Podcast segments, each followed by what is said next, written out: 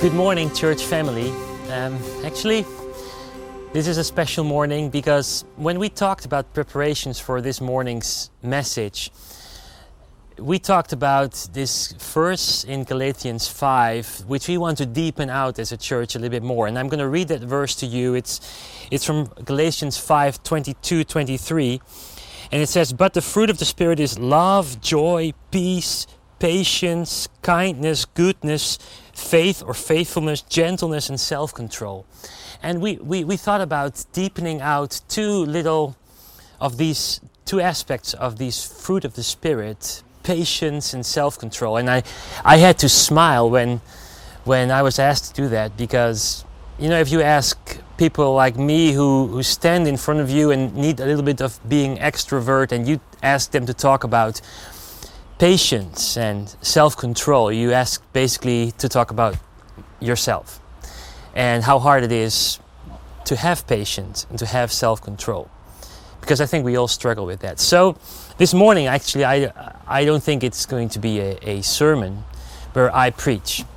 It's going to be a journey, and I want to take you through the journey I did last week through God's Word and where I, where I went from this verse, how I studied it, and what amazing things I discovered in how God wants us to grow. So, um, before we do that, let, let me say a short word, word of prayer because if we are going to open God's Word, we need His Spirit to guide us. So let us pray together. God, we thank you for this morning. We thank you for your Word, so powerful. And uh, I, I pray that you'll speak deep into our hearts and, and guide us in what you have to tell us through your word so that we may receive hope, so that we may, may receive joy, and that we may grow in you. In Jesus' name, amen. Okay, so we are starting from this verse in Galatians 5, and the, the theme, or basically the title I want to give to this study, is this, and it's, it's actually a promise. We are meant to grow by the Spirit from faith into the character of God. Now, let me repeat that again because it's a complex sentence and we'll deepen it out, we'll unwrap it, so to speak, we'll unpack it this morning. We are meant to grow by the Spirit from faith into the character of God. So we are growing into the character of God, and how we do that is by faith, uh, is by the Spirit from faith. Or in Dutch, door de geest op grond van het geloof. And, and that journey I want to, uh, to take with you. So let, let's first look into that, that we grow into the character of God. Now, we're talking in this passage about the fruit of the Spirit, and patience and self control are just two of them. And um, if the Bible talks about this fruit of the Spirit, the word that the Bible uses is the word karpos, and that's singular. So it's interesting. So we talk about the fruit of the Spirit, which is the fruit, one thing, a singular word. And we talk about many things joy, patience, faithfulness, self control. How does that work? Well, let me show you that. So basically, I have fruit here, right? You could say I have fruit, but I have different aspects of fruit. I have a peach, I have grapes, I have a mango, I have an apple. So this is all fruit. And fruit comes in a variety of ways. Now, the fruit that is mentioned here as the fruit of the Spirit comes in a variety of ways, but it's all one fruit. It's all one character of God, as I discovered when unwrapping all these elements. And, and I told you I'm going to sp- focus specifically on patience. Now, when you look at the word patience in the Bible, I came to a, a, a very, very, very powerful verse from Exodus 34, verse 6. And let me read that with you, where it says, Yahweh, Yahweh, which means the Lord of Lords, which means God in its most magnificent I am who I am form. He says, I am who I am is a compassionate and gracious God, slow to anger and rich in faithful love and truth. Now compare this to Galatians 5. You see, there is patience here, there is rich in love, faithful love, faithfulness and love were also part of the fruit of the Spirit and truth. So you see an enormous parallel on how God describes his character and this verse in Galatians 5. And the same with self control. Now think about Jesus, who is in the Garden of Eden and he prays to his Father and says, Father, I know I need to die for the sins of the world.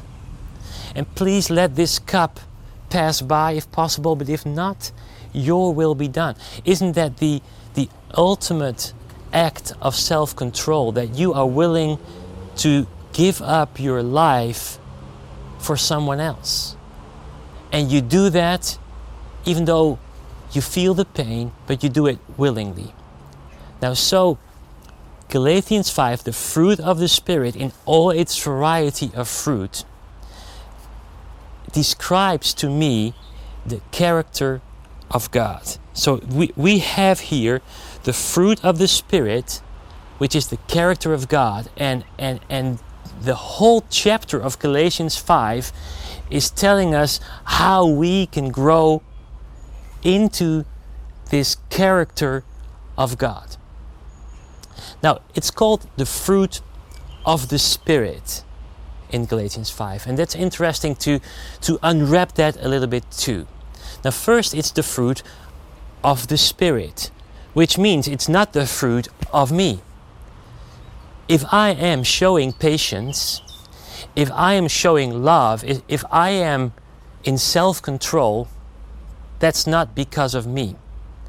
It's the fruit of the Spirit.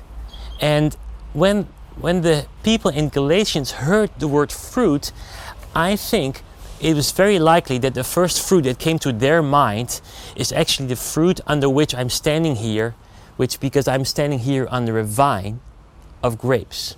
And I have the grapes here with me as well. I think they were thinking of grapes in the first place and, and maybe even of wine, at least of all the, the pleasures of fruit because it's sweet and nice. And um, uh, so, when the fruit of the Spirit, when they were thinking of the vine, they might have even known that Jesus said, I am the vine. And that being, uh, that growing into the character of God is like growing in fruitfulness by being connected to the vine. And if we talk about the fruit of the Spirit, I think what it means to say, and I take this from John Piper, is that by indicating it as fruit of the Spirit, we are made aware that it's not from us, but that God gets the glory whenever we show these fruits of the Spirit. So it's not about us. Now we'll dive into that a little bit deeper. Because now comes the other thing it's fruit of the Spirit. And fruit is an interesting thing, right? Because if I take, for example, this peach, so how did this peach become a peach? Or how did this mango become a mango? Did it somehow itself say, hey, I want to grow? No, likely not. The growth is just the result. The fruit is the result of a growth process. And, um, and so it's not, it's not hard work that made it grow. It was just being connected to the right tree with the right roots, with the right nurture, that makes this fruit grow. Now, and, and in order to see how that will work in our lives, because we re- remember our, our goal for today was how do we grow into the character of God more? So we need to dive really deep into Galatians 5. And um, if you look at this chapter, and I, and I just encourage you to take your Bible on your phone or if you have a physical Bible with you here, then if you turn with me to Galatians 5 in verse 22, the first word is the word but. But the fruit of the Spirit is etc. Now, if that word but is there, it's very important to look before that word because a word like but connects to previous things. Now, what does it connect to? Well, it connects basically to something completely on the opposite. So, the opposite of fruit. Now, what's that? Now, look at it. It says in verse 19, Now the works of the flesh. So we, we see two concepts here in Galatians 5 that fight with each other fruit of the Spirit, works of the flesh. And if you go it, take it even further along, we have to go back into why Paul at all wrote this letter to the people of Galatians. It's because this was the problem in that church. The church was uh, moving away from believing that God gave His love to us for free. And they started believing the concept that we need to work in order to deserve God's love. And what Paul is basically saying here don't work harder. Don't work harder to, to, to receive God's love. If you want to grow into, into your spiritual life, stop working harder. It's already done. You will bear fruit, but that's not a result of your work. The fruit is the result of the right tree, the right roots, and the nourishment of the roots. So that's how this whole Galatians 5 chapter works as a whole. And it's very important when you read that single famous verse about the fruit of the Spirit, is that you see it within the context that it has been written. It's an opposite of a church that wanted to work harder in order to deserve God's love. And so the lesson for us is to grow spiritually, working harder doesn't uh, make us more fruitful. So we cannot fulfill our lives and uh, God commandments on our own strength. It's not going to make us uh, make God love us more. We are not, not meant to work harder for God either. Then becomes the question, okay, Marcel, how then do we grow? And we take it a little bit back more in Galatians 5. And the key verse is verse 5 from Galatians 5. So Galatians 5 is 5. That's easy to remember, right? For by the Spirit we eagerly wait for the hope of righteousness from faith. Now, that verse comes in the screen right now because it's a complex verse and we need to also unwrap this verse closely together. For by the Spirit we eagerly wait for the hope of righteousness from faith. So there's these two concepts. By the Spirit from faith, we have hope. Now, by the Spirit, the Spirit grows that fruit, but the, the, the, the source of that Spirit, that how it can grow, is that we need to have faith. So, let me put it this simple. There is no, if we want to be more fruitful into, in our lives, there is no need to work harder. There is a need for more faith. There is a need for more faith. And how do we get more faith? That's what, what because faith is what makes us produce fruit. I want to take you to Romans chapter 10, verse 17, to unwrap this whole concept of faith. And in Romans 10, verse 17, we read, we read this about faith. It says, So faith comes from what is heard, and what is heard comes through the message about Christ. So faith comes from what is heard, and what is heard comes through the message about Christ. Or, in other words, faith comes from hearing the Word of God. So, if faith produces our fruit, we need to feed our faith to bear more fruit. Let me repeat it again. We need to feed our faith to produce, to have more fruit of the Spirit in our lives. So faith comes from hearing, and we need to hear the Word of God. We need to hear Jesus more because Jesus says, I am the Word of life.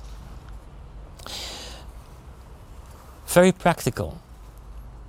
We are daily struggling with patience, with love, with all these things. And we desire for this spirit filled life that produces the fruit of the Spirit. If you struggle with it like I do, I typically would stand on the promises of God's Word to feed my faith. This book is so full of promises This book is so full of promises of God for your, your life and for my life that we, if we daily feed our thoughts with God's Word, we feed it with life. And we feed, therefore, the way we can grow in bearing more fruit by the Spirit from this faith. That's the whole concept of Galatians 5 that Paul tries to explain to us and to the to the church in Galatians and to us as a, as a church.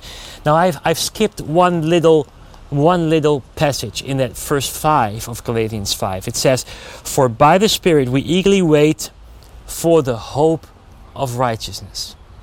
And here comes the tension. Here comes the tension that Paul is addressing. The tension between the flesh, the works of the flesh, and the fruit of the Spirit. It's this is waiting. Faith is, according to Hebrews 11, is all the things we, we can't see but we hope for, and we know in faith that it's, it's that we have solid ground to stand on. So, the hope of righteousness in, in this Galatians 5, verse 5, tells us that we, we live in this tension. We live in this tension that God is giving us His promises, and he wants us to bear fruit and he says i am the vine and be stay connected to me to my promises and you will bear fruit and at the same time we fail every day. Because we are not there yet. We are a church in which the tension is just a reality. And this is good. Did you know that if you have a bridge the thing that keeps a bridge that, that, that makes two sides of, of land across a river connect through a bridge is the fact that the bridge is under tension. And tension makes it strong. Because then, as a church, we can unite. We can have people that are joyful one day, that cheer up the people who are feeling sad this same day. We can help each other in bearing more fruit by the Spirit through faith because we, what, we, what unites us is that we all live in this reality that we wait for the hope of righteousness that we have in that we await in Jesus when he comes back to make all things new. So the tension of Galatians 5 between the works of the flesh and the fruit of the spirit is the tension we feel daily in our lives but there is hope. So let me try to wrap this up. We are meant to grow into the character of God by the Spirit from faith. That's the that's the that's the one sentence summary of this sermon. What what does that mean? Well, first it means trust more, trust Jesus more, have more faith, don't try more. Or in other words, have more faith, don't work harder. It's this wonderful verse, right, that I'm, I'm remembered that says, We live by faith, not by sight. And feed your faith. So we are meant to grow into the character of God by the Spirit from faith, which means don't try harder, trust more, and feed your faith. And that's how I think that we will grow into these wonderful fruit of the Spirit in all its variety, in love, in patience, in self control, in faithfulness, in all these wonderful things. I pray we'll bear much fruit, but I pray we will not try harder, but will trust more every day. Let's pray together. Lord Jesus, we thank you today for your word. We thank you that you give us this promise that we are meant to, to grow, that we are meant to grow into nothing less than your character. And I thank you, Lord, that you've given us directions in how to do that, that we need to feed our faith by your word every day. So give us that discipline to stay connected to you to stay connected to your word, to keep feeding our faith. And Lord, we can't wait for the fruit that that will bring forth. We thank you for this, for your word. We thank you for the church. And we pray as a church that we will stand together in this hope for righteousness, Lord. If we fail, that you'll pick us up. That you'll see us in, in the grace of the blood of Jesus Christ and not in our own works. And that we will live by faith and not by sight. Lord, we thank you for today. We thank you again for your word. And we worship you for who you are. In Jesus' name, amen.